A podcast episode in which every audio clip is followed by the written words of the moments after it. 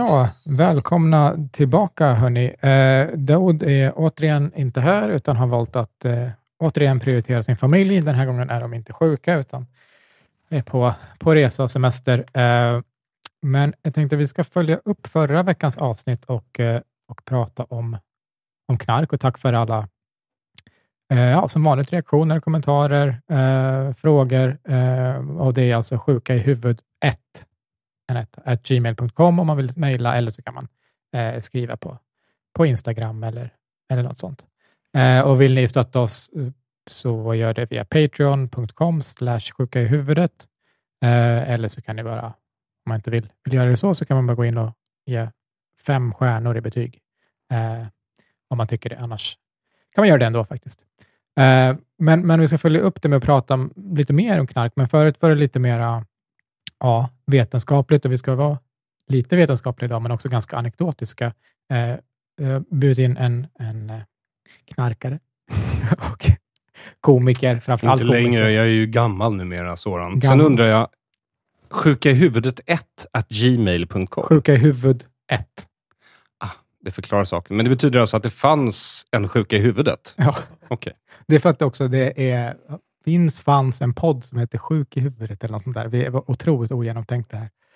Men jag har, av- förklarar jag själv, undviker att googla saker. Ja. Eh, Eller så saknar du mig bara, som är bra på att komma på titlar. Jag saknar det av flera skäl. Eh, och det är lite det, va? Aron. eh, vi, eh, det, det är Aron som är vår gäst. Aron Flam, framförallt komiker, inte framförallt knarkare. Ja, jag vill nog komiker. rätta dig lite där.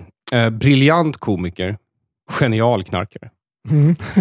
Nej, men eh, Det, det, jag har väl vissa erfarenheter av narkotika, så kan man säga. Precis, men som du också klokt poängterade när vi började här, så att, att du och jag ska prata, eh, och, och själva också, eh, och vi inte har gjort det sen. sen Ja, för jag blev ju inbjuden så trodde jag att jag skulle få träffa din parhäst, som jag inte ens vet vad han heter. Daoud.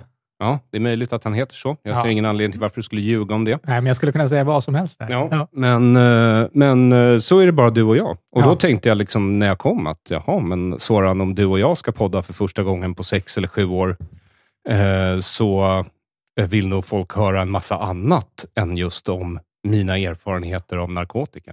Ja. Men Och nu tror jag dels att du, jag tror både att du har rätt, så tror jag också att du lite grann underskattar vad folk vill, vill höra. Men, eh, men, men du har rätt. Men jag tänker att det, eh, och det kommer vi göra, men det får bli, istället för att göra två saker halvdant, så får det bli ett annat poddavsnitt och kanske i dekonstruktiv kritik, som är då Arons podd, om ni inte vet det. Eh, och så kan vi gotta ner oss i, i allt det och hur det har varit för oss och mellan oss de senaste åren. Men det här, du är ändå, om, om, det här är en podd om, om psykologi och ja, människors beteenden och tankar och senast pratade vi med ändå en, en kemist som gör egen psykedelika, mhm, Ulf Bremberg. okej. Mm.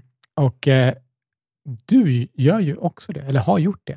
Jag har gjort eh, det, så är det. Ja, Mm. Eh, först, eh, alltså så här, man kanske ska säga det direkt faktiskt. Jag är ingen hippie.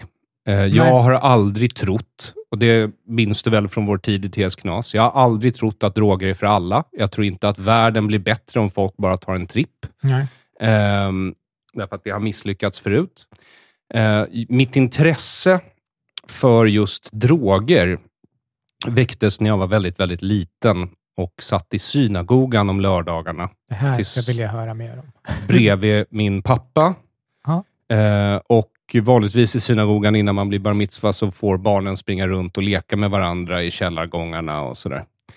Men jag fick inte det, utan jag skulle sitta och läsa. Så jag läste Gamla Testamentet. Eh, du fick Och- välja vad du ville och vad... nej, det fanns ju bara då Ja. Gamla Testamentet och bönboken. Det är de Okej. två du har att välja på. Ja. Liksom. Så, Fuck bönboken. då. ja, exakt. Det är ju mer action och fantasy faktiskt, i Gamla Testamentet. Mm. Det är magi, det är svartsjuka, mord, otroheter, död, krig, allt. Liksom. Den Ja. har allt. Eh, och framförallt så var jag ju fascinerad av eh, sagan om Adam och Eva, eller berättelsen om Adam och Eva som det kallas för. Eh, och de, de där två träden i Edens lustgård. Mm. Därför att det var ju två träd i Edens lustgård som människan inte fick äta frukten av. Mm. Det ena var kunskapens träd, som Adam och Eva åt av först och så blev utkörda. Och De blev utkörda för att de inte skulle kunna äta också av det andra trädet, livets träd. Därför att det första trädet, kunskapens träd, det ger människan kunskap om gott och ont, det vill säga självmedvetenhet. Det är vad som händer i den sagan. Hon blir självmedveten, hon ser sig själv och sin egen nakenhet och skäms för den, så hon liksom skyler sig. Människan alltså, både Adam och Eva. Eh, och Det andra trädet är livets träd som ger odödlighet. Mm. Eh, och Då kastar Gud ut Adam och Eva så att de inte äter av livets träd också och blir så som oss. Alltså blir gudar. Självmedvetna och odödliga. Mm. Eh, och Det där fascinerade mig så mycket när jag var liten. Eh, jag var inte så sugen på eh, att äta av livets frukt som ger evigt liv, Mm. som jag var på att ta en extra tugga av kunskapens frukt för att bli ännu smartare. Just det.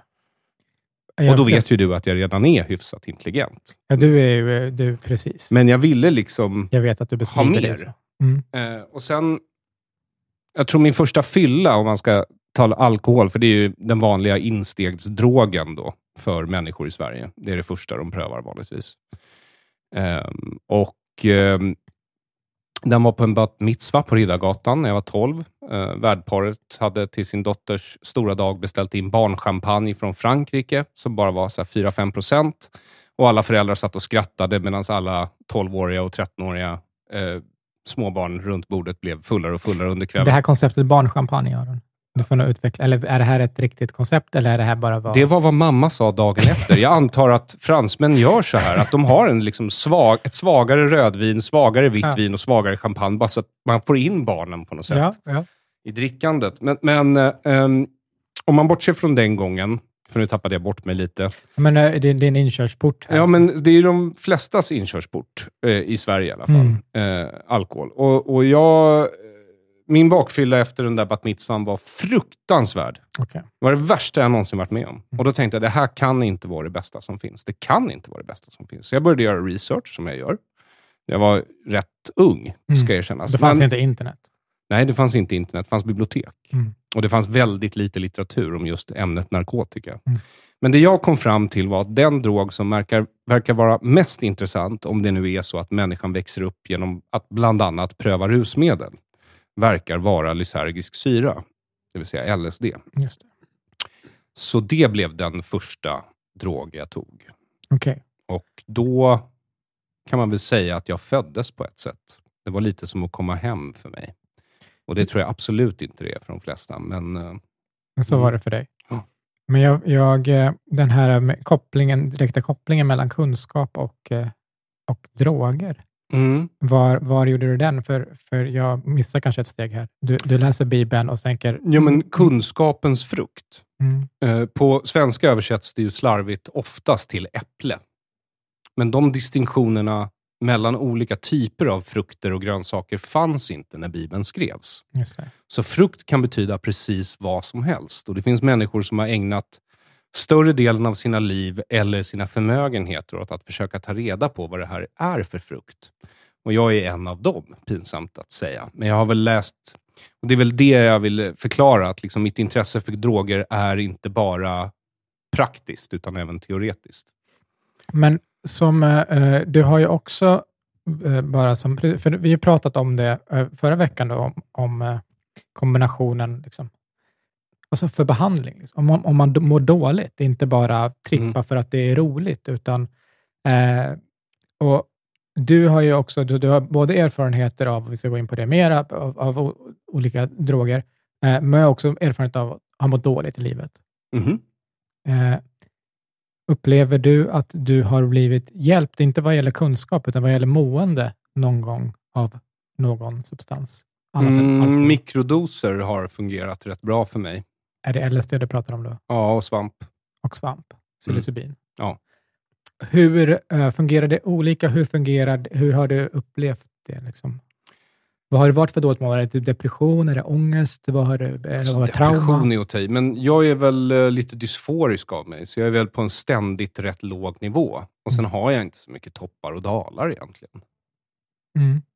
Det vet du ju. Du har ju känt mig länge. Liksom. Ja, men jag minns dig som att du nog hade några dalar, eller hade perioder, några månader per år. Ja, Eh, in- då det var neråt ja. ja Mm, när vintern är som allra värst. Ja. Eller, ja, precis där Det- mot slutet av när det är som mörkast ute är det som mörkast inne också hos Aron. Mm. Ja, det vet jag inte. Men, nej, jag tror s- det är fasiken snarare runt februari det kommer. Men eh, ja, januari kanske. Något sånt. Och- Men, men ja, och då har jag ibland, för många, många år sedan såklart. Ja, såklart. Mm. Det här är inget som någon någonsin gör idag. Men, Nej. men när det, tidigare så har du då eh, mått dåligt och använt, upple- har det varit någon skillnad mellan de två bara? Som säger, om LSD och psilocybin? För, Det vill jag påstå.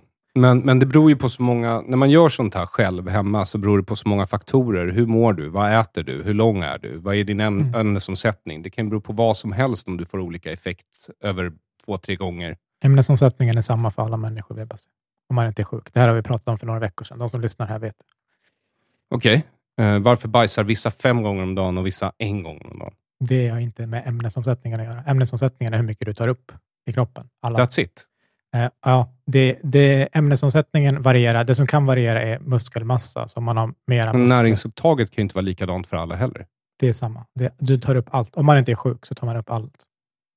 Alla människor tar upp allt. Det låter väldigt märkligt eh, och du kanske borde se över vilka du bjuder in till podden. Men, ehm, men jag är ju här, så Ja. uppenbarligen behöver du se över vilka du bjuder in till podden. Exakt.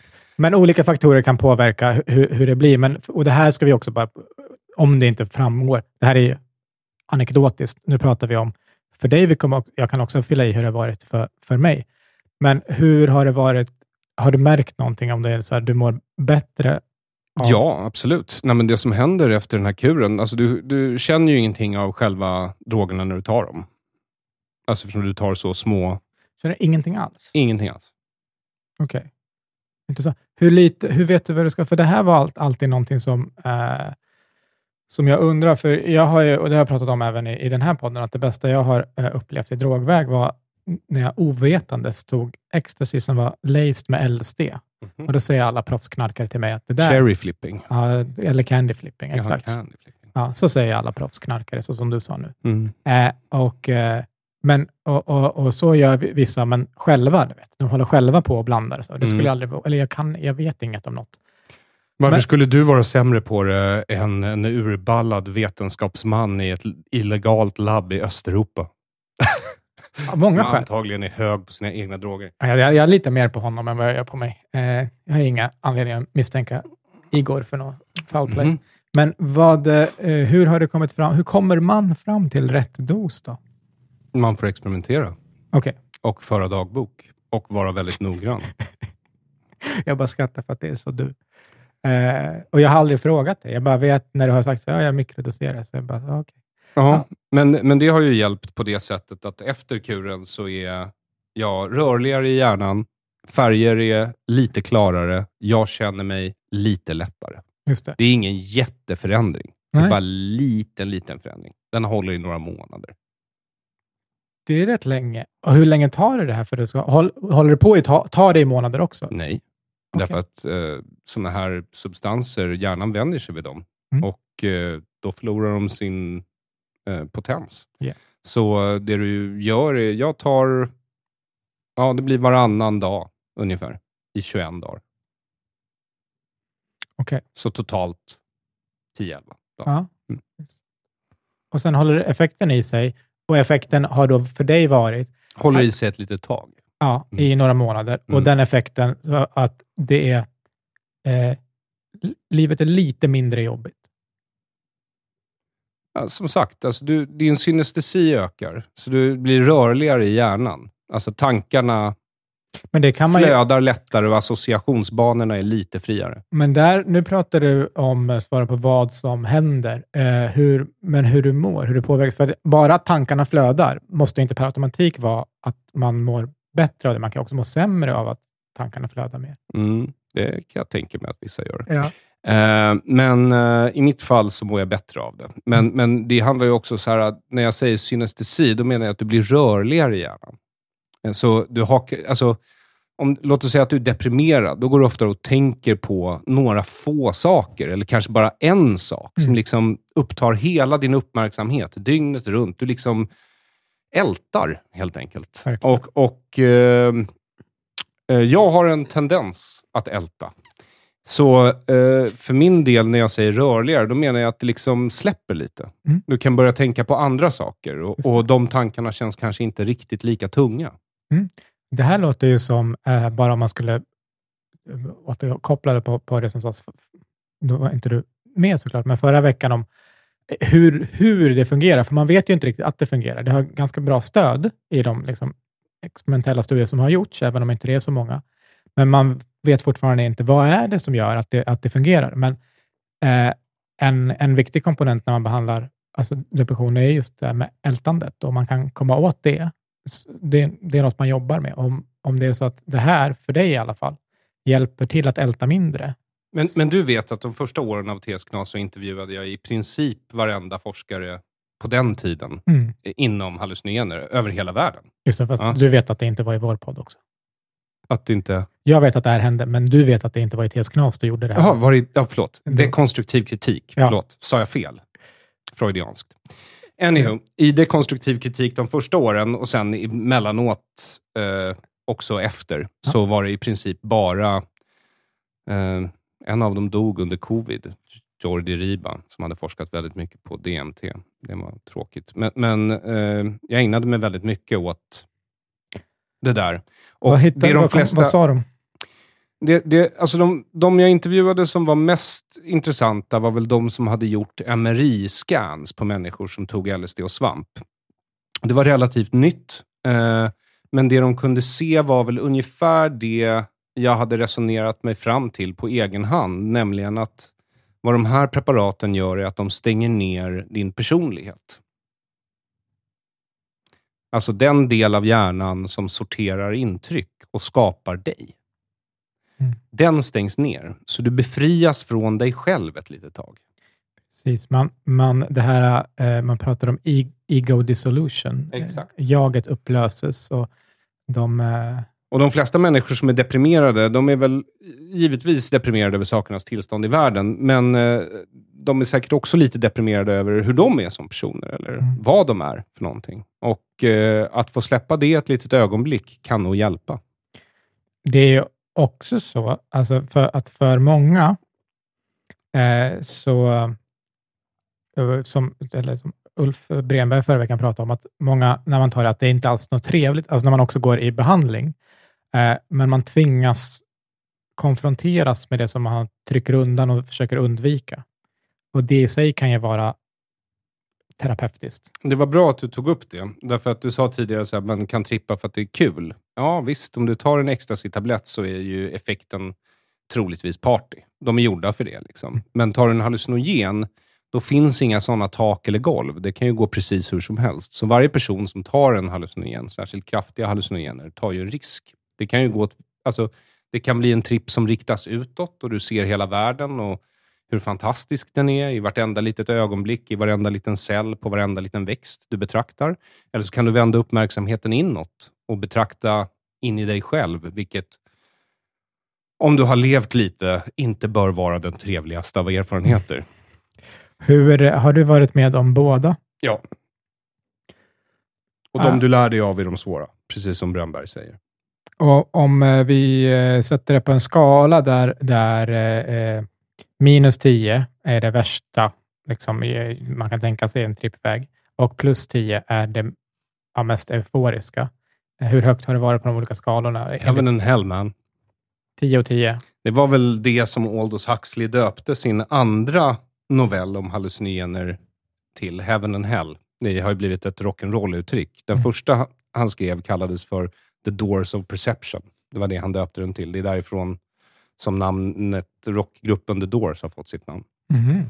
Eh, och eh, Aldous Huxley fick den linen från en dikt av William Blake. Det är så här jag har gjort. Jag har gått igenom liksom böcker och sen så referenser, referenser, referenser och så noter, noter. Det här vet alla, det här du ska säga nu. Ja, så, nej men, så eh, han eh, fick pröva meskalin, Aldous Huxley. Det var han som skrev Det sköna nya värld. Och, eh, Vad är meskalin? Meskalin är en kaktusrot. Eller det är, man eh, får ut en typ av proto-LSD ur en kakto, Okej. kaktusrot. Ja, en hallucinogen. En hallucinogen. Och han prövade det och han tyckte det var fantastiskt. Eh, och eh, så skrev han då The Doors of Perception och den fick väldigt stort genomslag. Och Sen så höll han ju på att experimentera ett antal år till och efter det så skrev han Heaven and Hell som har att göra med eh, de här preparatens... Alltså de kan ju ha väldigt olika utfall. Mm. Så eh, jag har varit högst upp och längst ner. Jag har krossat mitt psyke, säkert två gånger. Eh, och Det har tagit mig upp till sex månader att plocka ihop mig själv igen och vissa delar föll bort. Men jag saknar dem inte och kommer inte ihåg dem, så who cares? Okej, men vad betyder det? För det är ganska abstrakt. Vad betyder det att krossa ditt psyke? Vad, vad, hur, vad hände under trippen? Eller förstår du? Vad, vad, kan, går det att beskriva för någon som inte har upplevt det? Mm, jag kan försöka. Mm. Eh, Det är väl som att du först möter alla dina fel och brister, förstärkta 10 000 gånger. Vartenda lögn, varenda svek, varenda gång du har gjort bort dig, varenda dum sak du gjort. Alla dina personliga karaktärsegenskaper som står i vägen för dig. Allt det upplever du förstärkt. Och det är liksom, du I kan av tankar? Eller i form- Tankar, känslor, bilder, allting. Det, det liksom rusar över dig, sköljer över dig. Ehm, och eh, ja, till slut så pallar du inte mer. Mm. Då går ju någonting sönder. Mm. Knak, säger det. Och sen eh, känner du dig väldigt liten och väldigt ömklig och väldigt osäker på dig själv, vem du är, din plats i världen, världen. Och det där kan ju pågå väldigt länge om du inte är försiktig eh, eller eh, kanske inte är så stark, så är det här alltså någonting du borde undvika. Mm. Det är därför jag tycker att liksom hippiebudskapet om att alla ska ta det här så blir det bra är idiotiskt. Mm. Det är en viss typ av människa som söker sig till hallucinogener. Som hittar hallucinogener. Är det rätt, typ? Eh, oftast skulle jag säga. Men ibland så ha- halkar någon in på ett bananskal som inte ska vara där. Mm. Mm. kan tänka mig. Vad, eh, hur är det när det är toppen då? Då är det euforiskt. God's head, egoupplösning, fullkomlig sammansmältning med kosmos. Vad betyder det? Har du, är, det är det härligare? Det var en, en, en fråga här, att, eh, hur är det att ha sex på det här? Det har jag inte ens försökt. Är det sant? Eh, och tänkte nog... Eh, Jag tycker det är toppen. Jaha, okej. Ja, men då har du säkert en väldigt fin relation med din partner. Eh, ja. Men eh, generellt får du inte... Eh, Jag en, kanske borde fråga också, hur tycker hon att det är? Ja, exakt. Nu är inte hon här för att kunna Ja. försvara sig själv. Men, men jag tror att det är... Eh, vi, ja, men om man tänker typ MDMA, inte hallucinogener. Mm. En emotogen. Om du tar det, har du tagit det någon gång? Mm. Ja. Får du inte då lust att, att, att röra vid folk och bli rörd vid? Första gångerna så är det ju så. Ja. Mm. Men sen eh, effekten avtar ju. Eller, eller kanske inte ren molly. Kanske inte gör. Du behöver inte göra det så ofta. Men eh, jag, vet, alltså, jag gjorde ju det där en jävla massa år sedan, alltså, ett tag. Lite ecstasy. Och eh, numera, eller sist jag prövade var tio år sedan. Mm. Eh, det enda jag märker numera är gaser i magen och en lätt paranoia. Just det. Men, men så nej, det är inte för mig. Nej. Men eh, andra verkar gilla det. And, uh, good for them. Vi har fått en, en fråga också om, eh, och det här vet jag inte om du vet, men om CBD Mm. mot att må dåligt och egentligen kontra annan eh, liksom, farmaka som skrivs ut här som är typ eh, SSRI och, eh, och annat. Har du Mm. någon antingen erfarenhet eller kunskap, eller båda? Jag har aldrig tagit SSRI. Jag Nej, C- CBD. Jaha, CBD har jag tagit. Mm. Eh, CBD utan THC är värdelöst, tycker jag. Det är min personliga uppfattning. Det har ingen som helst effekt, vad jag kan märka. Okej. Däremot så var jag i LA, eh, ja, det var väl precis innan covid slog till, med Mm. Navid Modiri och Henrik Jönsson. Då gick vi in på en av de här, eh, ja, det ser ut som en Apple store, liksom. Mm. när man kommer in eh, på en sån här weed dispensary. Supertrendigt och, och jätteproffsigt. Och då sålde de på mig en, eh, ja, en petflaska med vatten för 200 spänn tror jag. Som då skulle vara då CBD-vatten med THC i. Okej. Eh, och det kan jag säga eh, funkade ju eh, utmärkt. Tog man en klunk av det så sov man otroligt gott. Sov? Ja, det var det det var till för. Okej.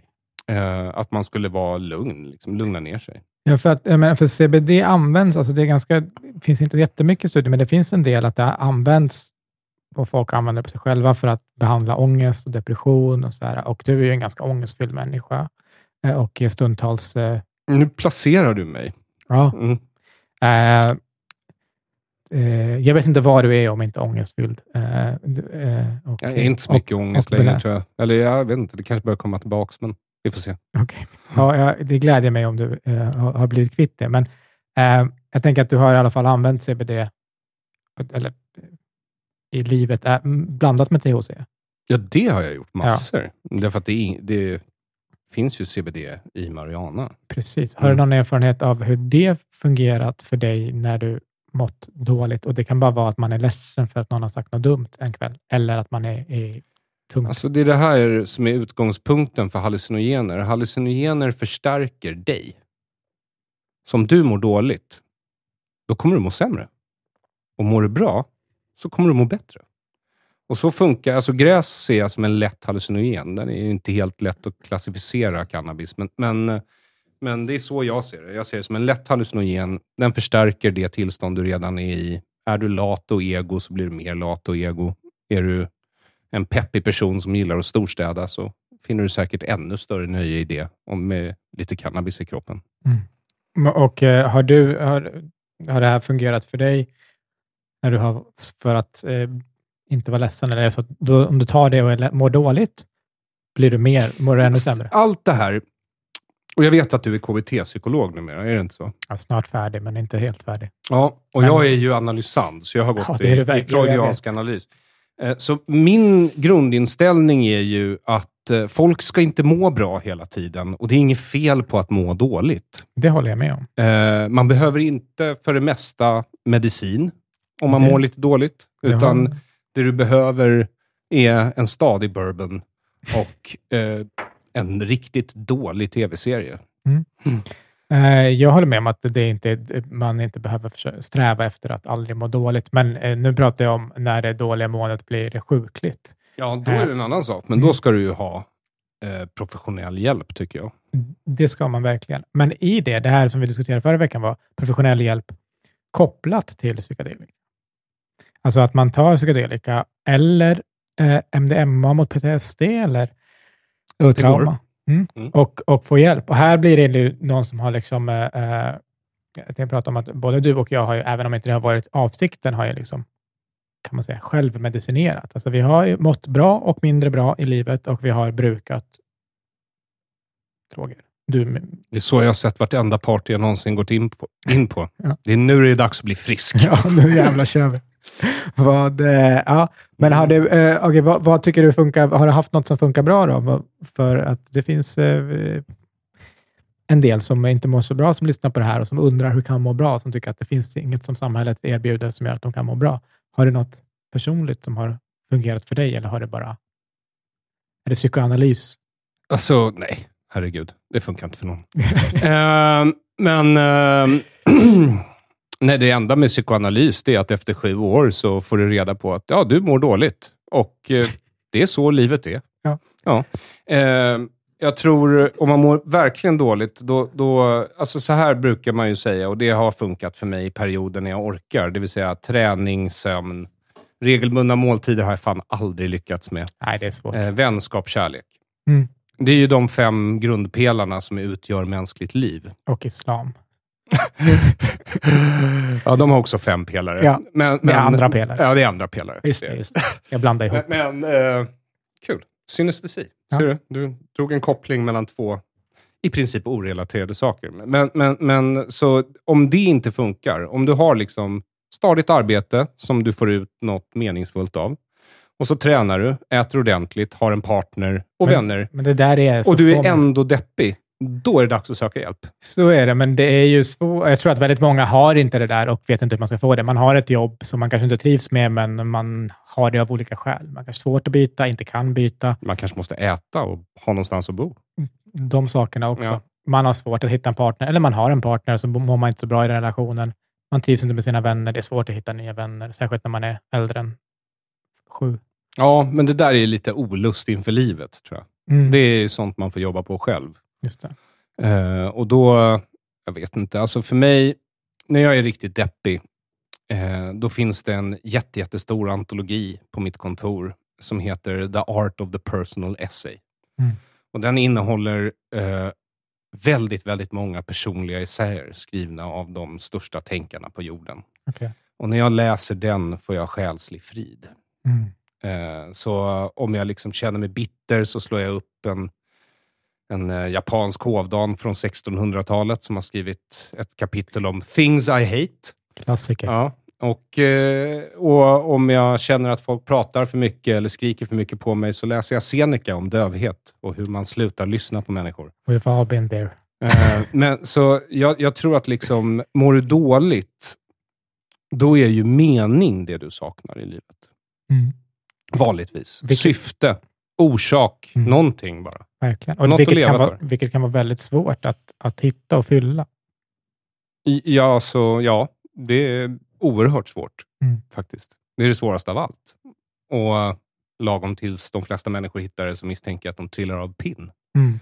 Om de ens hittar innan dess. Men det spelar ju ingen roll, därför att ditt jobb som människa är att fortsätta försöka och tar du livet av dig så tvingas alla omkring dig ifrågasätta sin egen existens helt plötsligt, vilket inte är särskilt schysst. Mm. Så, mm.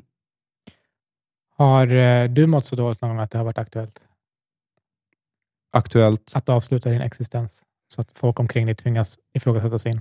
Nej, men jag har mått så dåligt att jag funderat på att avsluta andras existens. Ja. Ehm, så nej, men eh, nej, jag är inte särskilt suicid faktiskt. Eh, jag tänker att eh, jag sparar det tills jag får en dödlig, väldigt plågsam sjukdom. Mm. Eventuellt. Kanske så har jag modet och ser, den i- ser see through. Men eh, mm, Men du har ju också alltså, in, du har gått psykoanalys och eh, de här, allt det här med psykedeliska, så har du läst finansiell psykologi. Mm, ja, det var ju rätt nytt när jag pluggade företagsekonomi. Och sen så valde jag inriktningen finans och sen så valde jag så många behavioral finance-kurser som möjligt. Och det fanns väl bara två böcker på den tiden. Sen massa år senare så fick Kahneman och Tversky, de här Nobel- tänka snabbt, agera långsamt eller vice versa, Ja. som, jag, som allt det här baseras på. De fick Nobelpris, men då var det inte så eh, trendigt kan man säga. Eh, och eh, ja, jag var väldigt intresserad av grupppsykologi på eh, extremt stor nivå, på makronivå. Vad, eh, vad lärde du dig då? Eller har du någon nytta av saker du har lärt dig i det? Eller var det bara intressant? Eller, kan vi säga något om... Jag tror man har nytta av det mesta man läser. Från, om jag har haft mest nytta av min företagsekonomiska utbildning vill jag verkligen låta vara osagt. Som i, nej, antagligen inte. Eh, men, eh, men jag har lärt mig massa saker jag har haft nytta av. Eh, till exempel min affärsidé bygger på eh, en, omv- en omvänd version av första meningen i The Principles of Corporate Finance av Brilliant Myers, tror jag de hette. Mm, just det. Nu var, det var ett tag sedan Första läste den. meningen är, är liksom, på en kapitalistisk marknad ska du sälja dina komparativa fördelar. Alltså det du har som en fördel som andra inte har. Det är det du ska USP. sälja. Exakt. Och då tänkte jag, jag har inte så många fördelar. Jag har jävligt många nackdelar. Jag undrar om det går att sälja sina nackdelar, sina komparativa nackdelar. Då på- har jag en fråga. ja, Går det att sälja sina nackdelar? ja, jag lever och frodas. Okej. Ja. Ja. Så ja, det gör det nog. Mm. Eh, jag ska bara se här om eh, jag fick med. Det var ett, ett par frågor. Där. Är det här påhittade frågor eller är det här frågor Nej. från lyssnare? Nej, det är frågor från lyssnare och vi har också haft flera stycken som har sagt, har önskat dig i podden. Jaha. Eh, så har också att det, och jag har sagt så här, Flera olika eller en person med samma trollkonto och är det mina trollkonton? flera olika Inte Tror mina- jag. Jag, alltså, jag, inte, jag kollar inte upp IP-adresser. Nej, nej. Ja, det, Man tycker ju att du borde vara mer paranoid vid det här laget. ja. Jag till exempel kollar upp ip Jo, men jag menar det. Jag förstår. Och det är det här som är en, en också, vet jag inte, är det liksom eh, hallucinogena som gör Aron eller har hallucinogena typen Aron sökt sig till hallucinogener? Det är en sån här fråga som det är omöjligt att svara på. Jag, säger, jag sa ju tidigare i podden, och jag brukar säga det, att jag på något sätt föddes när jag tog min första LSD-tripp vid 16 års ålder. Ja, Men ehm, vad händer då? Eller vad, kan man... Vad, va? Är det skillnad, hände- förlåt, på, för, innan du fortsätter, är det skillnad på det som då candy flipping och, och, och ta bara LSD? Ja, givetvis. Ja, Okej, för jag har aldrig provat bara att ta LSD. Eh, tänkte om man, annars om vi hade tagit liksom liknande, men du hade en helt annan upplevelse. För det här födas på nytt, var det... Nej, jag sa inte föddes på nytt. Jag sa föddes. Mm, okej. Jag sa inte på nytt. Du har aldrig... Nej, det kanske du inte sa. Ja. det gjorde jag inte. Nej, jag måste Det hade varit på tok för kristet. Ja, okej. Eh, nej, jag sa, men så här var det. För mig, när jag säger att jag menar att, jag, att det var som att komma hem, Mm. Eh, så var det väl, det var så jävla konstigt. Alltså jag ville ju pröva just LSD. Och sen någon dag så satt jag på Flipperkonditoriet i Stockholm, eh, som inte existerar längre, men som Mm. var liksom ett fik, Mm. där ungdomar som inte hade åldern inne för att köpa alkohol hängde. Mm. Och så, så träffade jag någon skolkamrat där eh, från eh, gymnasiet, som jag just hade börjat i, där jag kände absolut ingen och verkligen inte henne. Eh, men hon liksom högg tag med så här, Aron, eh, vi är ett gäng som ska prova LSD ikväll, vill du hänga på? Jag tänkte så här, ja, det, det vill jag nog. Ja. Eh, och vad jag menar, det är det här, det går liksom inte att veta hur det blev så riktigt. Därför att jag var intresserad innan. Och sen så högg någon person som också var intresserad tag i mig. Och det Mm. måste ju synts på mig på något sätt. Att det här är en kille som lätt skulle kunna tänka sig att hänga med till ett jävla hippiekollektiv i Vasastan Ja. och pröva sin första tab vid 16 års ålder. Kan ha haft att göra med den här prins Valiant-frisyren jag hade på den tiden, som tog en halvtimme varje morgon, då jag liksom kammade ner håret i en sån här pottfrilla med Mm. invikt kant runt hela huvudet. Du ska alltid göra allt så ordentligt. Ja, ja, nej, men det var... ja, du vet, när man är i den åldern så experimenterar man. Man vill hitta sin stil. Mm. Och eh, så här några år senare kan jag säga att det var inte min stil. Men själva LSD var lite din stil. Eh, men det var, när jag menar så här, komma hem, det var att plötsligt så såg världen ut för mina ögon så som den såg ut i mitt huvud. Mm. Och går, det, går det att beskriva vad det är? För det är fortfarande, nu är det bara målande. Liksom. Eh, och, och det är fint och poetiskt, men vad betyder det? Hur såg det ut i ditt huvud? Då? Ja, det beror ju på hur den ser ut för dig. Men, men Nej, för dig. för mig ehm, så består världen av fält med separata punkter som binds ihop med varandra. Eh, och den är fyrdimensionell. Så tid och rum är samma sak. Eh, och det är ju det jag kunde se att den var när jag tog min första tripp. Och mådde du bra av att det nu eh, matchade hur, hur, du, hur du uppfattar världen och hur du också nu kunde se världen? Eh, i, efter, Okej. efter trippen, ja. Det? När, när jag väl tog det, då var jag ju där i upplevelsen. Och var det eh, trevligt, otrevligt? Det gick igenom flera stadier. Eh, under upptakten, så norra... Är det norra latin? Ja, det här hippiekollektivet låg precis i, liksom, i norra latin, tror jag. Mm. Och eh, på väg upp så satt vi bara i en soffa och så var det gökboet på. Och då började jag känna någonting och det kändes väldigt obehagligt att se på gökboet. eh, alltså den är ju... Det är en konstig film att visa. Ja, ja, men det, den, ja, jag vet inte om de visade den. Det var ju massa andra människor i det här hippiekollektivet som antagligen var helt nyktra. Eller i alla fall inte höga på LSD. så, eh, eh, så, nej, men, så jag gick därifrån och så hittade jag en Larsson-tidning. Då blev jag oerhört glad. Nästan pinsamt glad. faktiskt. Vad är det? Lars, Larsson-tidning. Mm. Larsson var en serietidning som fanns förr i tiden. Eh, det var, det, man, eh, man maler ner pappers, papp, Ah, alltså ja, ja. trä till pappers... Och så trycker man bilder med text på. Okej, men det var en serietidning. Det var en serietidning. Ja. Eh, med, Jag tänkte att det kanske var en porrtidning. Nej, nej, nej. Det är så roliga roliga bilder. Det är bara en serieruta och så står det något roligt under. Vanligtvis höns eller liknande. Du har sett dem. Alla har Ja, sett dem. ja. Farside heter de på engelska. Okej. Ehm, men, ehm, och då blev jag gladare. Och Sen gick jag en promenad på stan och då började det ju kännas som att man nästan kunde flyga. Mm. Alltså det var väldigt lätt om fötterna och då började jag känna, okej, det här är bra grejer. Mm. Det här gillar jag. Och Sen så gick det bara uppåt, uppåt, uppåt, tills man var på ja, det kabbalisterna kallar för Guds huvud i princip. Mm. Då man smälte samman med allt. Och då kräktes jag. Och, eh, det var inte en det, obehaglig kräkning. Det Nej. var bara kom ut. Liksom. Och så Ja. tittade jag, det var i PK-gången precis vid NK utanför Ja. Humlegården.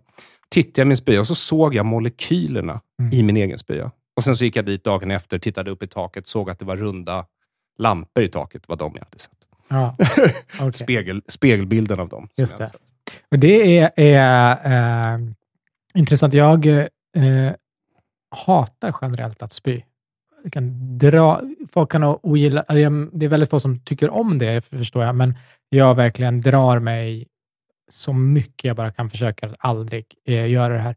Eh, men då, om jag har tagit eh, eh, ecstasy och spy, då är det inte alls otrevligt Mhm. att spy. Det är inte trevligt, men det som du beskriver, det bara händer. Och, ja, det känns inte alls obehagligt. Ja, nej, jag som sagt är inte jätteförtjust i ecstasy och har ingen aning om hur mycket man måste ta för att spy på det. Eller är det, är det här candy flipping då? Nej, det är inte candy flipping. Eh, Det händer, för mig händer det ungefär, förut när jag gjorde det här, hände det ungefär varannan gång. För inom, när man, Antagligen så har jag inte om så man ska bra ta hallucinogener, connections. tunga hallucinogener, Ja. då är det ju bra eh, med eh, det man skulle kunna kalla för purga. Att du Reha. kanske inte har så mycket i magen. Ja, Och, och sen när du är på väg upp så kommer du känna en impuls att du vill rapa, prutta, spy eller bajsa. Gör det. Mm. det kommer, du kommer må mycket bättre och känna dig lättare efteråt. Eh, det är högst normalt, skulle man kunna säga, när man tar sådana här preparat. Att man vill bajsa eller spy. en fråga från mig. Nu har jag, jag har ställt många, men eh, DMT, Mm. apropå det här med att göra egen psykedelika, det var det jag tänkte på när jag sa att du har också Mm, gjort mm. egen psykedelika. Ja.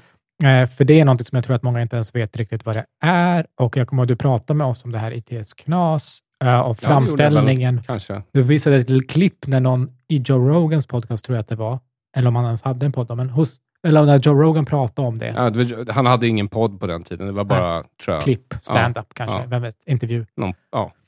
Ja, eh, sju minuter ungefär minns jag att det var. Han pratade om den här trippen som är det sj- sjukaste. Eller, eller är det, du har sagt att en tripp håller i sig i sju minuter? Jag kommer inte ihåg, men kan du Sju och berätta? tio, någonting.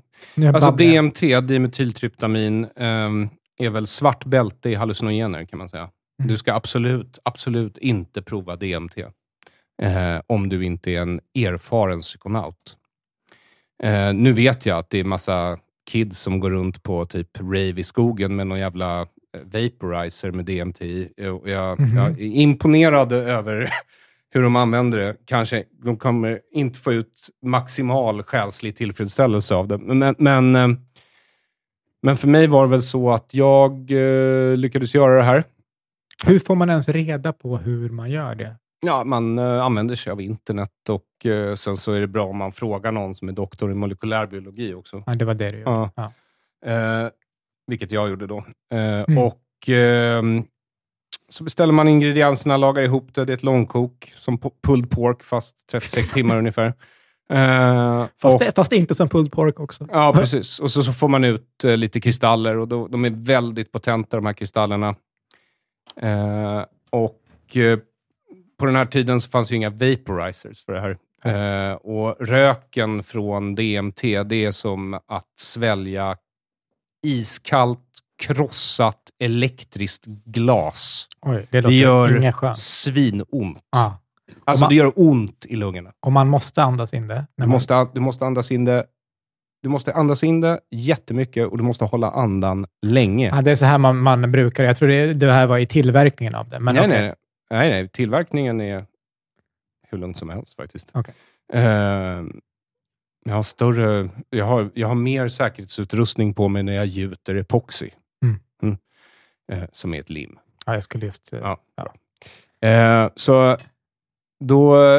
ehm, nej, men man, man ska ta tre bloss. Terence McKenna, som var en stor guru inom just DMT. Jag tror kanske till och med han var ansvarig för att föra ut kunskapen om det från urinvånare i Amazonas Mm. till resten av världen.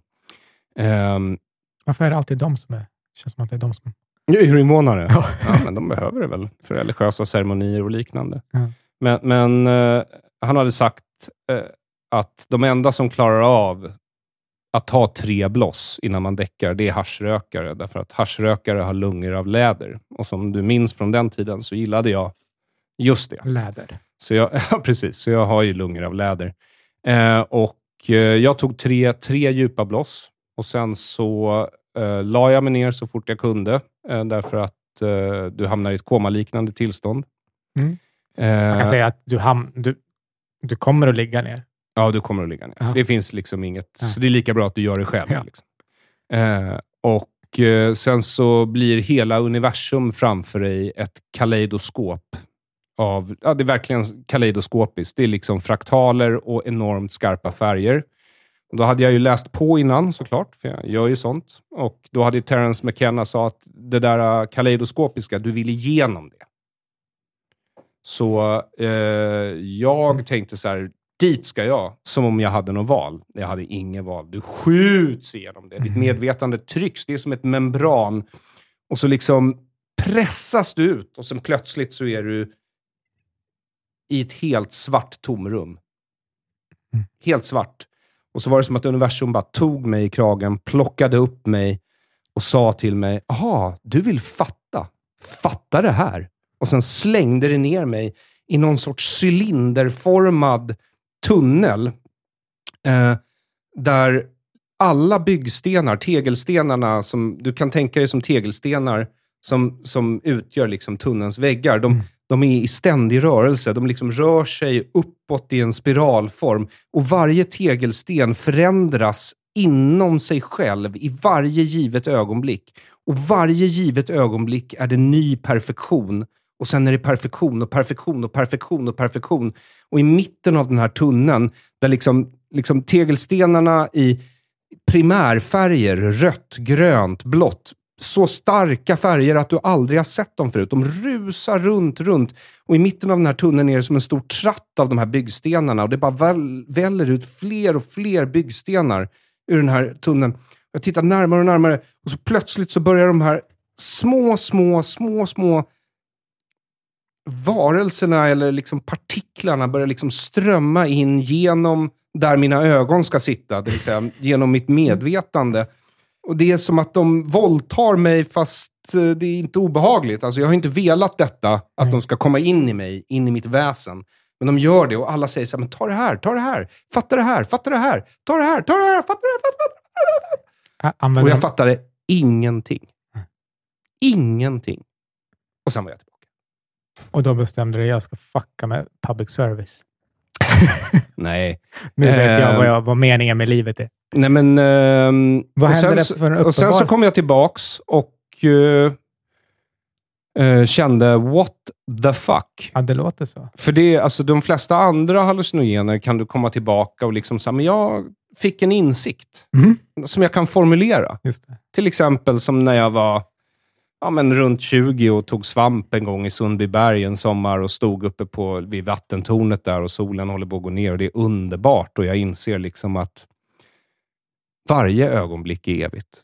Mm. Därför att varje ögonblick äger rum över hela universum samtidigt och universum är oändligt. Så om det ögonblicket äger rum överallt, då är varje ögonblick oändligt. Mm. Sån här riktigt bängsnack. Riktigt bängsnack Ja. helt enkelt. Men från DMT kommer du tillbaka med What the flying fuck. Mm. Ja, och sen så, har jag, så tog jag det väl ett 30-tal gånger till för att ta reda på What, the fuck liksom. Ja, Ehm, of course, as you do.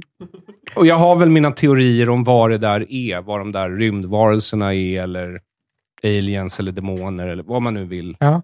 tro att det är. Men människan har ju... Exakt. Det där är ett, en rätt bra eh, representation i 2D. Carl visar en bild här. Av någonting. Alex Alltså, även, Alex. även om man som den där japanska konstnärinnan som gör hela rum med prickar, du vet. Yoko Oshii. Ja, Mm. precis. Hon. Yoko Ono. Nej, inte riktigt. Men close enough. Ja. Eh, så är det ju tredimensionellt. Och när du tar en sån här drog, då upplever du... Alltså Yayo Kusama. Ja, precis. Yayo Kusama. Och när du, när du tar en sån här grej, då upplever du ju inte ens tredimensionellt, du upplever det fyrdimensionellt. Liksom. Eh, nu har jag tappat bort mig. Nej, men de här den 30 gånger till, what the fuck. Kom Mm. du, när, ha, du har en teori om vad det här kan vara, de här partiklarna? Ja, men människan har ju en enorm kapacitet för animism. De här preparaten har ju använts av olika kulturer sedan urminnes tider och eh, de ligger i vissa fall, i många fall skulle jag tro, till grunden eller är en viktig, extremt viktig byggsten i de här kulturerna. Mycket av deras liksom, konst och deras religion kanske har att göra med de här preparaten. Ehm, så ehm, så jag, och människans animism funkar ju så att om vi ser en samling molekyler, då kommer vi att försöka ge de molekylerna mänsklig form. Ungefär som gubben i månen, du vet. När man tittar på månen och så, så bara, ser du gubben i månen? Ja, det finns ju ingen gubbe där såklart, men vi ser en gubbe där. Mm. Eh, och när jag tog mig som längst på DMT, eh, vilket jag gjorde några år senare, eh, då var det som att jag kom liksom till något ögonblick efter Big Bang. Och vad jag såg där var liksom som lila streckgubbar. De liknar väldigt mycket Keith Harrings konst. Om ni, du vet, alla vet vem. Om ni, om ni googlar Keith Haring så kommer ni se gubbarna. Det, de är, det är väldigt tydligt vad han, vad han fick sin inspiration ifrån i alla fall. Okej. Ehm, och ehm, alla har sett dem, Soran. Googla på nu. Du, du, du kommer se dem. Jag håller på. Ja, men så jag, jag kom dit och de här lila streckgubbarna och när de upptäckte att jag var där, de festade ju som fan. Liksom, de här molekylerna dallrar i skapelsens början, liksom något ögonblick efter Big Bang. Mm. Och sen när de ser att jag har kommit in i part, partyt, då slänger de ut mig tillbaka till verkligheten.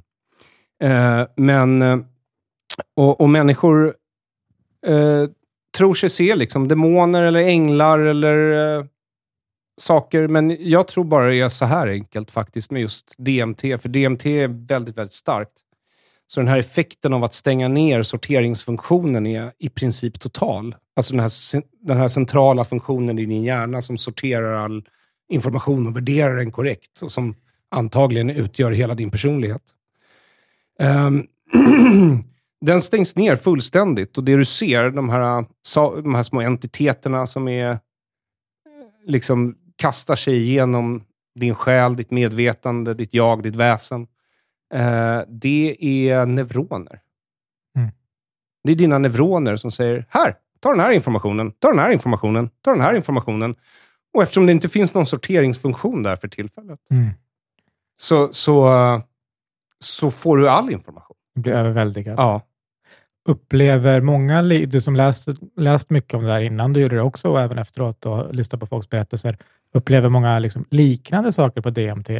Just DMT är eh, väldigt liknande. Människor som eh, har tagit ayahuasca, så det är ju en personlig del av trippen när man möter sina egna minnen, men eh, själva vägen dit beskrivs på väldigt likartade sätt. Eh, och jag skulle nog säga att det gäller DMT också. Och det här håller i sig typ Alltså en ayahuasca-tripp är väl mellan fem, alltså fyra, fem timmar kanske. Eller vad säger du? 58. Ja, Okej. Nej, men En shaman som bygger starka grejer, Karl. Eh, men, eh, men, DMT. Men DM, att röka DMT, det, är en tio, det kallas ju för the businessman's trip. För du kan gå ut på lunchen, röka en pipa, träffa Gud och sen gå tillbaka och jobba lite. Vad vad meningslöst att gå till jobbet egentligen. ja, verkligen. verkligen. Så, ja, nej det... Det, eh, jag ångrar en del saker jag gjort i livet, inte jättemycket. Men inte just det. Det ångrar jag inte. Det var en erfarenhet för mig som var viktig. Också som kulturverkare, tror jag. Mm. Du är modig. Eh, ja, tack så mycket Soran. Var du rädd? Jag har nog varit rädd, både innan, innan man tar det, man är alltid lite nervös. Du vet ju aldrig vad som kommer hända och vad som, hur det kommer gå. Eh, och sen har jag väl varit rädd under massor med gånger. Mm. Massor, massor med gånger. Ja, jag tänker mig bara att du, eh, om, om det då är så att du aldrig har gjort det på grund av att du inte bryr dig om hur du hur det går med dig. Att du är suicidal på något sätt eller att det aldrig har varit självdestruktivt syftet. Så är det ändå ganska stora risker att ta för, eller hur? För de flesta människor är det ju det. Men som jag sa, den där gången jag hade tagit svamp och fullkomligt krossade mig själv och tappade delar som sen inte har kommit tillbaka, eh, så är det ju så att det är inte delar jag saknar. Och sen när människor säger så här, men tänk om du kommer tillbaka som en helt annan person. Det låter skönt. Eller hur? Vad är det för jävla människor som bara säger, jag är så jävla bra. Ja. Jag behöver inte det här. Jag behöver inte utvecklas på något sätt. Men man kan ju vara rädd att komma tillbaka till någon som man inte vill. Vad? Ja. Ja. Jo. Och då får du ju helt enkelt göra den avvägningen om det är värt risken eller inte. I mitt fall så har jag alltid kommit fram till att det är värt det. Av den enkla anledningen att jag är en väldigt nyfiken person. Hyfsat envis när jag vill få reda på någonting. Jag tycker det var så kul om du kom tillbaka som Hasse. Brontén. Hasse Brontén, ja Mm. det vore något det. Ja. Men eh, jag har inte råd med så många tandblekningar, så det kommer inte hända. Nej, men det, ja, det finns något... eh, Det en, en, jag vet inte om ni är så långt ifrån varandra egentligen, men vi ser det. Nej, men jag och Hasse är inte så långt ifrån varandra. Nej, i, personlighet. Liksom. Ja, där är vi en bit ifrån varandra. Ja. Men åsiktsmässigt, värderingsmässigt så tror jag liksom... Ni är båda nazister. Ja, det är vad de säger. Men Ja. du vet också, jag, lika bra jag säger det till dina lyssnare, att, ehm, Att du inte är nazist. att jag inte är nazist och att det är lite mer antisemitiskt att kalla judar för just det. Eh, ja, du behöver inte bli arg, liksom. men, Okej. men det är lika bra att jag tar upp det med tanke på att he, alla mina sociala medier är fulla av eh, små vänstertroll dag och natt som säger exakt det här. att du är eh, nazistisk. Ja, eller SD eller Mm. vad det nu kan vara. Och inte bara det, det finns, de sa väl det också i domstol. Ja, det är så. Det var roligt.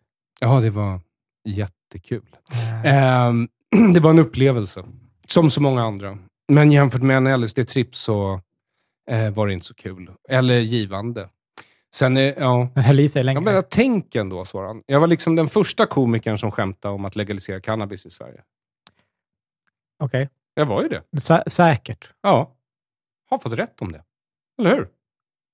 Om vad? Om, om att det borde vara lagligt. Nej, men det är väl det är en åsikt. Det är ju inte något man kan ha rätt eller fel om. Jo, men jag... Men menar rä- rä- jag Fler och fler har vänt. korrekt. Mm. Med tanke på hur klimatet var för tio år sedan. Ja, det var folk arga. Jag kommer ihåg att du sa att det är, är det någonting du vill inte så skämta om. Nej, men det, var ju, det var ju första gången jag blev utkörd ur offentligheten. Det var när jag körde sådana där skämt. Mm. Då började det droppa av. Och Sen så jobbade jag mig tillbaka. Mm. Och Då var det dags för kön, när jag förklarade då att eh, eh, killar har snopp och kvinnor har snippa. Mm. Alltså information som borde varit ny för alla i Sverige. Jag är lite ironisk Ja. nu. Men, men, men, eh, och då blev jag ju smutskastad igen. Och eh, jag kommer få rätt om att det är så att killar har snopp och tjejer har snippa. Just det. Och du Ja. baserar det på eh, det här med knark. Eh, nej, jag baserar det på den biologiska vetenskapen som har kommit en bit på vägen sedan medeltiden. Och så där ser ju hela min karriär ut. Att jag säger saker och svenskarna, som är ett erbarmligt och vämjeligt folk, skjuter budbäraren. Och sen så ändrar de sig och låtsas som att jag inte haft rätt hela tiden. Mm. Lite så. Det, det, Och- det, det låter som att du bär på en viss bitterhet. Nej, jag bär på en enorm bitterhet faktiskt vid det här Ja. laget. Och eh, tycker väl mer eller mindre... Alltså hade jag inte betalat så mycket skatt hade jag nog inte brytt mig om en enda av mina landsmän faktiskt. Men eftersom jag nu, det är mina pengar som finansierar det här jävla vansinnet, så blir jag så illa tvungen. Skulle du vilja inte betala skatt Till de här idioterna? till vad som helst? Nej, alltså jag kan betala skatt om det går till någonting bra. Det är ju en försäkring. Mm. Men om det är en försäkring som tar oerhört mycket pengar och ger dig väldigt lite tillbaka, nej, då, då, då måste man ju vara dum för, att- för, att, för att gå på det. Liksom. Mm. Och vi har ju att göra med folk som aldrig gjort revolution. Aldrig någonsin gjort revolution. Tycker du att det är för lite revolution? Nej, jag hatar revolutioner Ja. generellt. Men det hade ju nog varit bra för svenskarna i allmänhet, tror jag, om de hade gjort den för typ 200 år sedan och vetat att det går. Mm. Det hade varit bra för våra ledare också att veta att de kan bli avsatta på det sättet. Ja, men du har ju läst också om grupppsykologi. Och grupppsykos. Ja, grupppsykoser drabbar ju Sverige hela tiden. Mm. Och starkare tror jag än andra länder. Och Det har väldigt mycket att göra med att vi inte bara är en konsensuskultur, utan har byggt system som förstärker konsensus. Och Det gör att vi fastnar i livsfarliga grupptänk gång på gång på gång på gång. Eh, och eh, Det verkar inte som att någon har lust att ta itu med det där. Det verkar faktiskt som att de flesta av mina landsmän eh, är inkapabla. Inkapabla att se korrelation mellan idé och utfall. Men eh, då, dels så vet vi att människor ser ju korrelation, eh, eller kausalitet i alla fall, när det inte finns. Mm. Eh, för vi vill förstå saker. Som, vi vill hitta förståelse där vi inte har en förståelse. Mm. Men skulle man inte kunna förklara det du just sa, om kring, eh, stoppa in det kring eh, bilden av, av kön? Att man har en fast bild av vad som är då, eh, manligt och kvinnligt. Och nu kommer några nytänkare här och försöker luckra upp det. Men då är du som de här landsmännen du beskriver och inkapabel till att tänka nytt. Ja, fast Skulle- så här skulle- är det. skulle Nej, det men, hade de här människorna kommit och sagt så här, ja, men människor, oavsett om de föds som män eller kvinnor, får bete sig och, och göra vad de vill. De behöver liksom inte eh, de behöver inte ta så stor hänsyn till vilket kön de har fötts i. Mm. Helt fine med mig. Helt fine. Det är inte det det handlar om. Det det handlar om är att vi nu har läroböcker som säger att det inte är biologisk skillnad.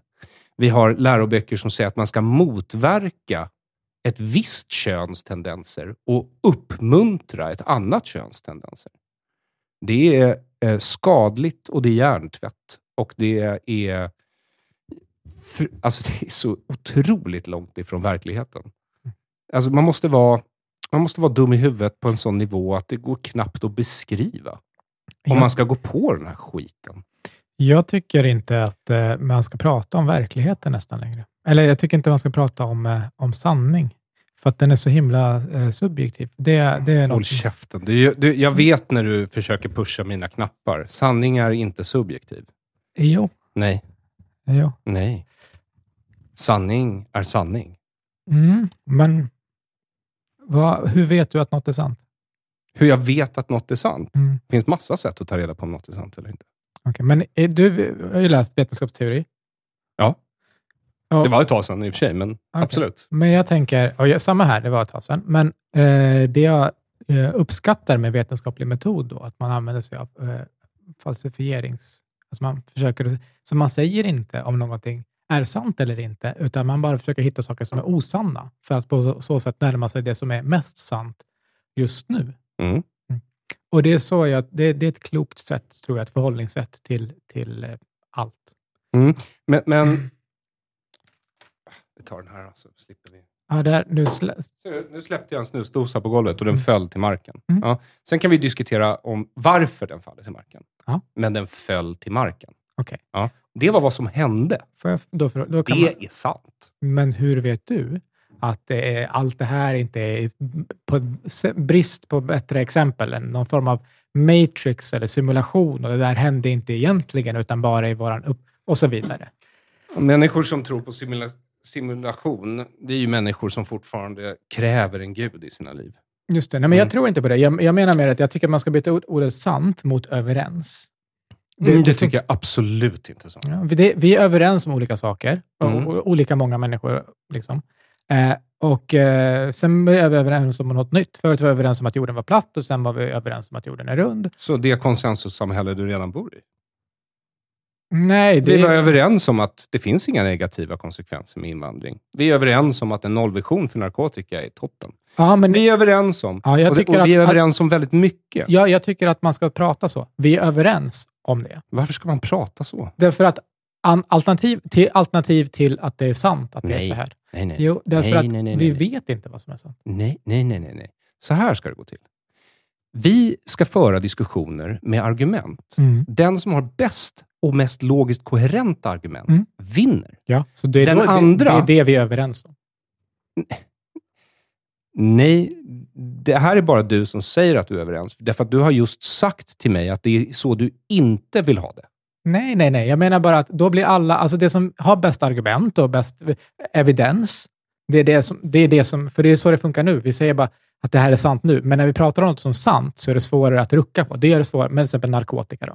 Vår, på, vår syn på hur vi ska behandla människor. Så här, det är svårare att ändra på det om vi har tänkt att det här är sant. Att barn blir hyper av socker. Okay? Det är en, en inom citationstecken sanning, ha, är för många, har varit för väldigt många. Och så visar man i, i liksom en eh, dubbelblinda studier att så här, nej, det eh, är inte så. Och det är jättesvårare, mycket svårare för mig eh, också, som har sett det här som en sanning, att här, ta till mig den nya informationen. För jag har sett det andra som en sanning. Så jag tror att det öppnar upp för fler möjligheter om vi är ödmjuka inför att allt vi tror oss veta kan vara fel. Um, så här är det, att bara för att man är ödmjuk inför vad man tror sig veta, behöver inte vet, betyda att sanning inte finns. Nej, men nej, jag tror att jag Vad strävar du efter? Ha det bra.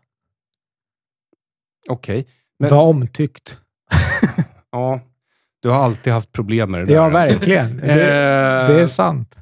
Livet är inte en popularitetstävling. Jag vet, jag borde Sa ha lärt mig. Aron Flam bevisade det eh, för sig själv och, och blev förlorade. Sen, förlorade. eh, men men, men eh, eh, jag tror att sanning finns. Jag tror ja. att, och när jag ställde frågan vad strävar du efter, så menar jag så att om du inte strävar efter sanning, mm. kommer du aldrig hitta den. Och du kom, jag tror inte ens du kommer hitta någonting som är halvsant. Faktiskt. Tror, uh, upp, uppfattar du att det är viktigt för människan, alltså för de flesta individer, att uh, hitta vad som är sant? I, för, i deras liv? Liksom? Ja, men Okej, okay. så det finns ingen sanning? Nej, men... Ja, men vänta, stopp. Okay. Om, om, vi, om vi tar det på, på riktigt. Då. Det mm. finns ingen sanning. Mm. Så Hiroshima ägde aldrig rum? Det är inte vad jag säger. Ja, men, det är inte alls så vad jag säger. Hiroshima ägde rum? Ja. Alltså det är sant att Hiroshima ägde rum? Ja. Ja, men, men då så. Då finns sanning. Ja, fast det är fortfarande inte vad jag säger. Det, fast jag, jag tror... det, är, det, det, är ju så enkelt egentligen. Nej, jag, jag menar att vi ska bara byta ut det mot uh, ordet överens. Det, I princip så betyder det samma sak. Det är bara ger oss en större möjlighet nej, nej, att ta till oss ny kunskap. Vet du vad överens är? Mm. Överens är den fege mannens cop-out. Mm. Därför att det är för människor som vill ha konsensus. Du vet, svaga, viljelösa mähän. Mm. De människorna klarar inte av när det är lite dissonans i diskussionen. Mm. När folk inte håller med varandra. När det är till exempel skrik och bråk. Och jag vet att det är så, därför att jag bor i Sverige och jobbar med att göra folk upprörda i princip. Och det var inte ens min avsikt. Det jag gör... Alltså, nej, det var din avsikt. Nej, det är en konsekvens av att undersöka kulturspecifika tabun. Du Om du undersöker saker som... började med att prata om att... Vad var dina första skämt? Om... Mitt första skämt var ju eh, “Kärt barn har många namn”. Ja. Jag heter Aron. Bara Aron. Ja, ja. väldigt roligt. Men sen var det något om pojkar också. Uh, små barn. Du drog... Du hade... Ja, men det var ju flera år senare. Ja, jag vill minnas att det var det här var ditt eh, hårda, eh, grova one-liners. Var, var... Ja, men jag, nej, men det, jag tycker fortfarande det är en av de roligaste formerna av humor. Ja. Eh, så det är bara det att jag inte gör den för svenskar längre. Mm. Jag gör ju fortfarande humor, men jag gör det ju inte för mina landsmän.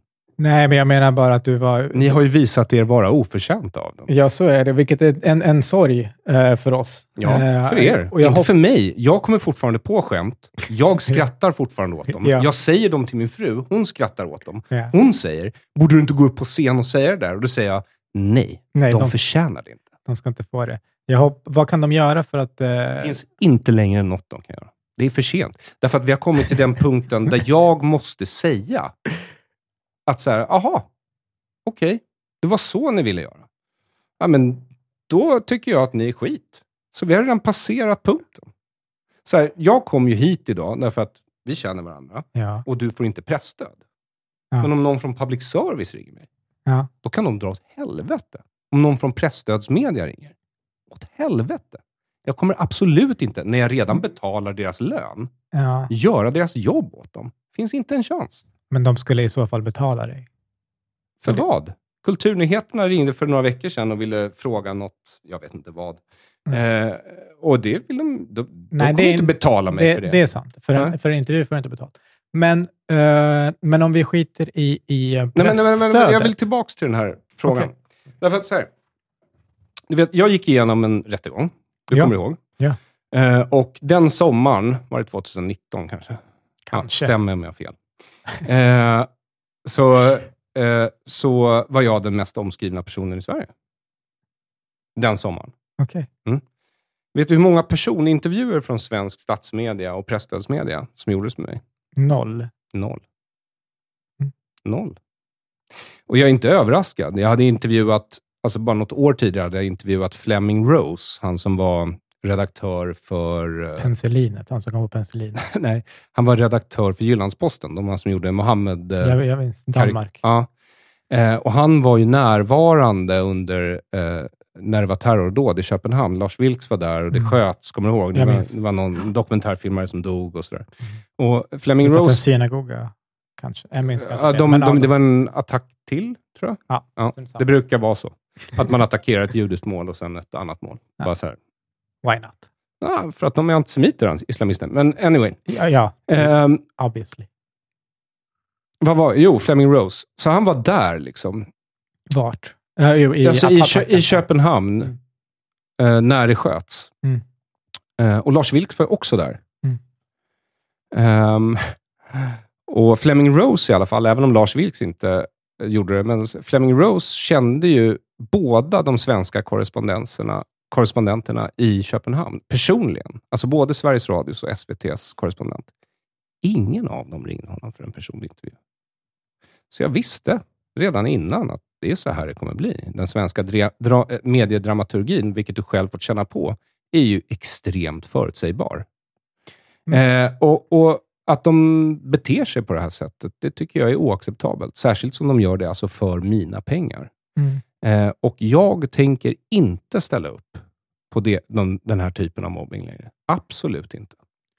Det, eh, Så nej, för att svara på din fråga, det är på tok för sent. det hedrar dig. Jag är glad att du har eh, hittat din linje och det är starkt att du står på dig eh, i, i det du tror på. Men när jag säger att vad kan de göra så tänker jag, om, vi, om vi släpper allt pressstöd då, finns det någonting, de som lyssnar här till exempel, det finns människor som har kommit och tittat på dig, när jag har varit med jättemånga gånger, du har sagt dina skämt, tänkt ut roliga grejer och så har folk tyckt att det var jätteroligt. Och jag tror att Jag kommer också ihåg. vad- de, stackarna, de, är du inte arg på väl? Nej, jag är ju inte det. Nej. Det här Finns är ju det- kollektiv bestraffning. Ja. Finns det något de kan göra för att väga upp det här negativa andra Som som alltså, det, upplever? ha, det har funnits saker de har kunnat göra, men det är för sent. Mm, okej. Ja. Nej, men alltså, alltså, det är enkelt. De hade kunnat marschera mot Rosenbad. De hade kunnat kräva av sina kommunpolitiker att inte lägga massa pengar på public service. De hade kanske kunnat eh, kräva av sina dagisföreståndare att inte hjärntvätta deras egna barn i genustrams. Men du vet inte att folk inte gör det här? Tänk om det finns... Jag är f- väldigt medveten om att folk inte gör det här. Va? Det, det kan Jag har finnas- människor i mitt umgängesliv som röstade på Annie Lööf i det här valet. Men det är en annan sak. Att Så några- lurade finns det folk som är, även runt mig. Sådan. Men även att, vadå, att någon gör det. Men jag menar, det finns väl människor, eh, några där ute, som eh, eh, gör några av de här sakerna du säger. Kan de få se dig uppträda? Alltså Jason Rouse är ju i Danmark just nu. Okej. Eh, och han kom, Också en komiker. Ja, precis. Och han kommer till Sverige imorgon faktiskt. Och då ska vi Mm. träffas. Då kanske jag drar några av mina nya skämt för honom. Men, eh, men i övrigt, nej. Inte ett skämt. Ni kommer inte få höra någonting. Ingen av mina bra skämt. Ever. Okej, jag ska... Kanske. Jag kanske ska göra så att jag skriver, liksom jag eh, skriver i mitt testamente att 75 år efter min död så får de öppnas. Ja, okej. jag, jag eh, kan bara säga att, eh, eh, till, till alla, så att jag kommer att, och några kommer tycka om det, några kommer inte tycka om det. Jag kommer att försöka eh, ändå att, att få dig att göra det här, för jag tror att eh, folk vill, vill höra, så jag kommer försöka övertala dig. Jag kommer säkert misslyckas, men, men eh, behöver inte vara i public service, men på, på Vad jag, vad jag menar, jag vill bara säga att för folk för framtida referens, om det föds någon annan liten Aron i framtiden, så det är klart att det finns saker ni kan göra. Det finns absolut saker ni kan göra. Eh, ni kan sluta göra det ni gör nu. Fullständigt. Vad du än gör nu, sluta med det. Eh, inte bra. Jag vet inte vad det är du gör nu, men det är inte bra. Eh, sluta med det och så, så börjar du göra bra saker istället. Och Där ingår att ta ansvar för sitt eget liv. Och när man tar ansvar för sitt eget liv, då kan man inte outsourca allt på staten. Du kan inte outsourca din medmänsklighet, ditt kritiska tänkande, dina jävla barn. Det går inte. Så om du slutar göra det och det i framtiden föds någon Aron, då kommer han antagligen ja, kanske inte ha lika mycket motstånd från sin omvärld, vilket i sin tur antagligen kommer göra honom sämre. Så Jag tar tillbaka allt jag sagt. Men eh, eh, tack Aron. Jag Tack är, själv, eh, Soran.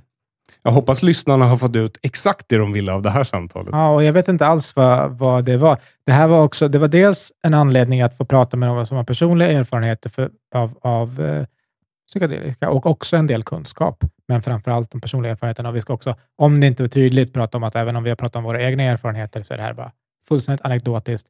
Vi gör ingenting själva och när man pratar om det här i, i liksom forskning och vad som fungerar, då gör man det terapeutiskt. Man har en terapeut med sig. Man sitter inte i sin stuga och gör eget eh, och provar sig fram. Absolut inte. Eh. Jag är något speciell. I det här laget borde du som lyssnar ha förstått det. Jag gör också min egen parfym. Du ska inte heller försöka göra det. Innehåller jättemycket giftiga kemikalier. Ja, du kom hit med det och sa att du, vad, vad är det om? Nej, jag, bara, du vet, jag har ju varit besatt av doft hela livet. Hela min, vi har ju, biologiskt på mammas sida, är ju, alla har ju superbra doftsinne. Eh, och sen, det här är en besatthet som återkommer och återkommer. Till slut, så här, för något år sedan, så till slut så orkade jag inte längre. För det blev, så här, med några års mellanrum så har jag kilat iväg, du vet, till någon sån här liten butik där man kan få betala rätt mycket pengar för att göra sin egen parfym. Och, och det funkar ju aldrig, därför att man kan liksom inte experimentera, utan du får ju bara den här gången på dig. Okej. Eh, så det slutade med att jag bara köpt, jag bara köpte ett helt labb. Så nu sitter jag hemma, men jag behöver tänka och inte och vankande inte hjälper, så gör jag liksom en parfym till någon jag känner. Vad då för labb? Eller bara något som inspirerar. Vad då labb? Men labb och labb, men liksom, liksom mätglas, pipetter, plasthandskar, i vissa fall gasmask. Hemma? Alltså i min studio. Liksom. Okej. Och sen så komponerar jag små symfonier. Det är ungefär som att skriva skämt. Alltså, de ska ju liksom framkalla en viss känsla Mm. så, eh, med doft istället för ord. Så man sitter där och liksom pillar och, och sen så är det väldigt lång tid man måste vänta. För först när du har gjort själva parfymen så tar det sju dagar innan du vet om den ens är värd att blanda ut med någonting Mm. som olja eller sprit. Och sen så måste du vänta ytterligare, ja, min, jag väntar ungefär 30 dagar för att se om den mognar bra. Liksom. Okej. Jag vet inget om det. Det här är en helt ny värld. Kan man... Kom, kom, kan Men för man, oss som inte gör DMT i källaren längre för att vi är gamla eh, och kanske stadgade, och Ja. liksom, så, så eh, tillfredsställer det mig på i alla fall ja, några sätt. Men kan, kan man, kommer man kunna köpa det här? Nej, nej, det tror jag inte. Därför att eh, Jag kan, jag kan bara säga att det luktade väldigt gott. eh, ja, den, den är fantastisk. Det är odd, svart te och grapefrukt. Okej. Och bara det. Det är bara det. Okej, Men det säger mig inget. Eh, för jag vet inte vad andra parfymer är och inte är. Jag vet bara att det luktar gott. Eh, Andra parfymer brukar ha en toppnot, en hjärtnot och en basnot. Och så, Mm. så brukar man säga två, tre dofter i varje not. mhm. Eh, så liksom toppen, ofta citrus eller någon, nå- någon lite flyktigare doft som försvinner rätt fort inom 20 minuter. Och Sen så kommer du till hjärtdoften.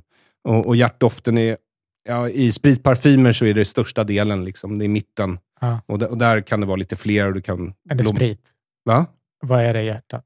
Vad är det sprit? Nej, nej, nej, men vad jag menar är att du gör den här lilla parfym... Först så gör du en liten parfym av rena oljor, alltså essence absolue. Mm. Och sen, när du har gjort den, då ska du blanda ut den med något, så folk kan ta den direkt på huden utan att få eksem. Eh, och då blandar man ut eh, med sprit, det är det vanligaste, det är det du köper all, överallt. Ja. Och alkohol, och den försvinner ju direkt, så då är det bara doften kvar. Eller så gör du som jag och spär ut det med olja, och då spär du ut det lite mindre och så blir det lite starkare. Det får inte lika stark projektion, men det kanske varar lite längre på huden. Jag, men jag vill bara gå i god för att om det här kommer ut på någon marknad, eller Aron säljer det här på sina obskyra webbshopper, eh, där ni kan köpa muggar också, eh, då, eh, Mm. och böcker. Och då, så, så kan jag gå i god för att det luktar väldigt gott. Och, men men så, så som du var inne på, jag vet inte alls om det var vad, vad folk ville ha av, av det här, men jag passade på att tillfredsställa både de som säger så här, vi vill ha Aron, och så har jag sagt så här, ja, jag med, men jag fattar inte vad han ska göra just i en sån här podd. Vilka är de här människorna? Ja, men jag kan Varför visa det- skriver de till dig? Ja, men till våran... Jaha, de vill ha d- m- mig just här. Ja. De vill inte ha mig var som helst, liksom, utan just här. Ja, eller, det vet inte jag när de skriver till andra, men, men eh, just här. Eh, och jag har saknat att eh, prata med dig så här, eh, med mikrofonen framför våra ansikten. Så att jag tyckte att det här var ett, ett Vi hörs ju då och då i alla fall. Jag vet, men, men det här är ett, ett sätt som jag har saknat. Det andra gör vi som du säger då och då. Eh, Så Mm. jag är, är tacksam för för att du kom hit. Men jag är tacksam för att jag fick komma. Ja. Jag är inte så populär i alla sammanhang. Folk, alla förstår inte det, Aron. Det är det som är problemet. Nej, jag är fullt medveten. Eh, tack till alla som har lyssnat. Eh, som sagt, eh, ta hand om er.